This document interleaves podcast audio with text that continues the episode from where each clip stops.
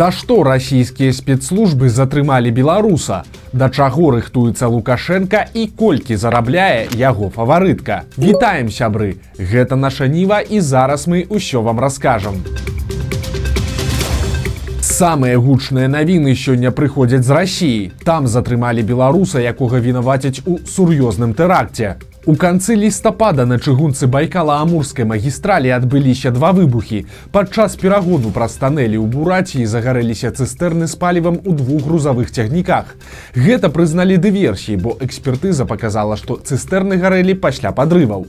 На нейкі час рух па чыгунцы быў заблакаваны. Расійскія ўлады адразу абвінавацілі ў здарэнні ўкраіну, бо байкала-амурская магістраль гэта галоўны чыгуначны шлях паміж рассіяй і кітаем. Выбухі кваліфікавалі як тэракт теракт пачалося расследаванне а сёння расійскія спецслужбы заявілі што і арганізатар і выканаўца дыверсіі беларусы выканаўцы ўжо затрымалі ён не паспеў выехаць з рассіі показалі нават відэа з яго допытам товарищ мне написал в телеграме поинтересовался как часто я езжу в Россию, ну, вернее, езжу ли я в Россию и когда поеду в следующий раз. Я предложил завести посылку. Ну, естественно, за вознаграждение как бы я с человеком был знаком несколько лет, и он, ну, как бы внушал доверие. Вот. Да, потом возникли вопросы, вот. я начал задавать, что, чего, чего, почему, и он объяснил, что это магнитные мины, чтобы взорвать какой-нибудь состав и остановить движение на Амурском на БАМе. На відэа мужчына кажа, што пагадзіўся выкарыстаць тыя міны. Вынік ужо вядомы. Па версіі ФСБ іншы беларус, які нібыта арганізаваў дыверсіі і перадаў міны, дзейнічаў пад кантролем украінскіх спецслужбаў. Арганізатара не схапілі, бо ён па інфармацыі ФСБ жыве ў літве. Затрыманаму беларусу цяпер пагражае да 20 гадоў. Мы высвятляем яго асобу, як толькі з'явіцца новая інфармацыя, адразу вам раскажам. Так што подписывайтеся на канал, каб нічога не прапусціць. І другая навіна з рассіі. У бранску адбылася масавая страляніна ў мясцовай гімназіі. 14гадовая васьмікласніца прынесла бацькоўскую стрэльбу ў клас і адкрыла агонь. У выніку пяцёра падлеткаў параненыя, адзін знаходзіцца ў цяжкім стане ў рэанімацыі. Адна дзяўчынка загінула. Пасля страляніны па аднакласніках школьніца скончыла жыццё самагубствам. Што стала прычынай такога жудаснага ўчынку высвятляецца, але сярод магчымых версій называюць скаванне і канфлікт з аднакласніцай за хлопчыка. Гэта ўжо 12 такі выпадак у рассіі за апошнія 5 гадоў. Прычым апошнім часам на ўваходах у навучальныя установы ставяць рамкі металашукальнікаў, але ж у бранскай гімназіі дзяўчынка спакойна пранесла стрэльбу ў тубусе, бо такія рамкі проста не спрацавалі. Каго за сабой возіць Лукашенко? Ахову, прапаганду, урача, фаварыта і парачку прыгожых дзяўчат. Матолька сцвярджае, што атрымаў поўны спіс беларускай дэлегацыі на кліматычным саміце ў Дубаі. Агулам там 48 прозвішчаў, сярод якіх сам Лукашенко, яго сыны Віктор і Мікалай, але ёсць і вельмі нечаканыя персанажы. Напрыклад, чамусьці ў беларускай дэлегацыі аказалася студэнтка ВДУ Паліна Жогла.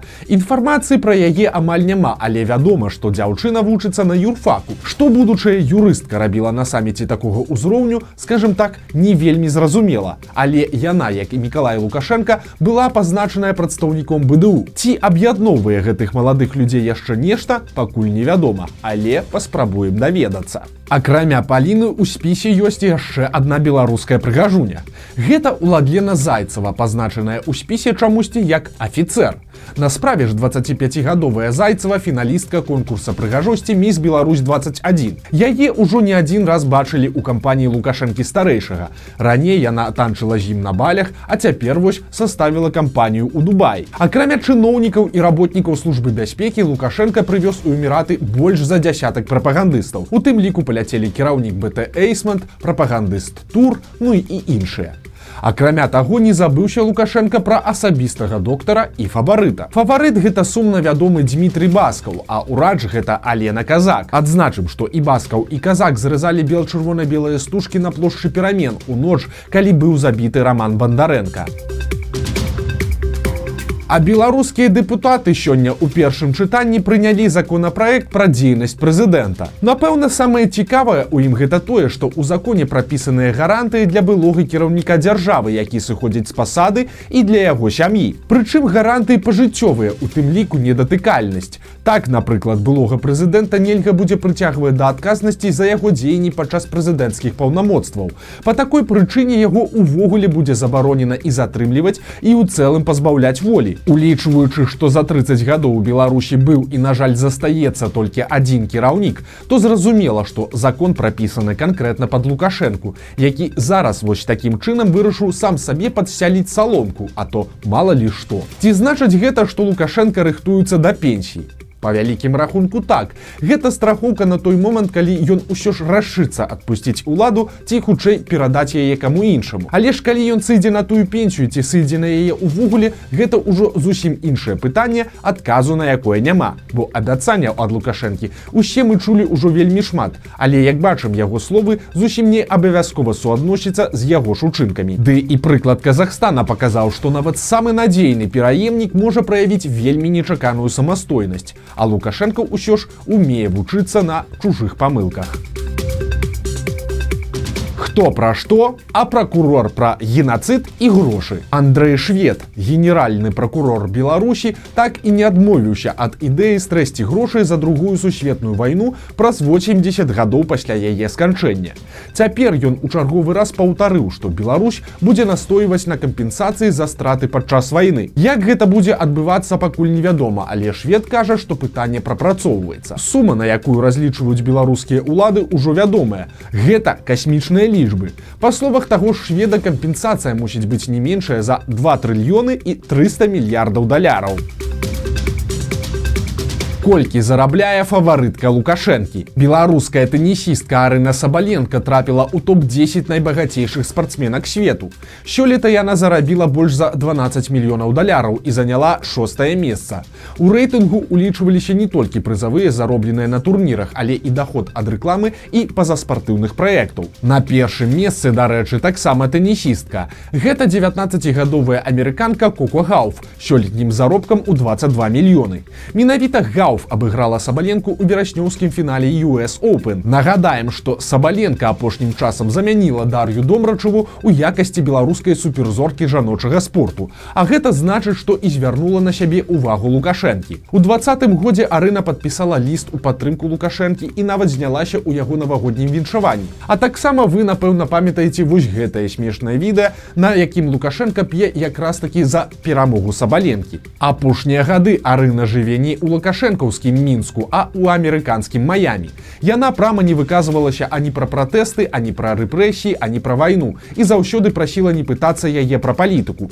але ж улетку арына упершыню сказала нешта канкрэтнае цытата я не падтрымліваю вайну а гэта значыць што я не падтрымліваю лукашэнку у дадзены момант конец цытаты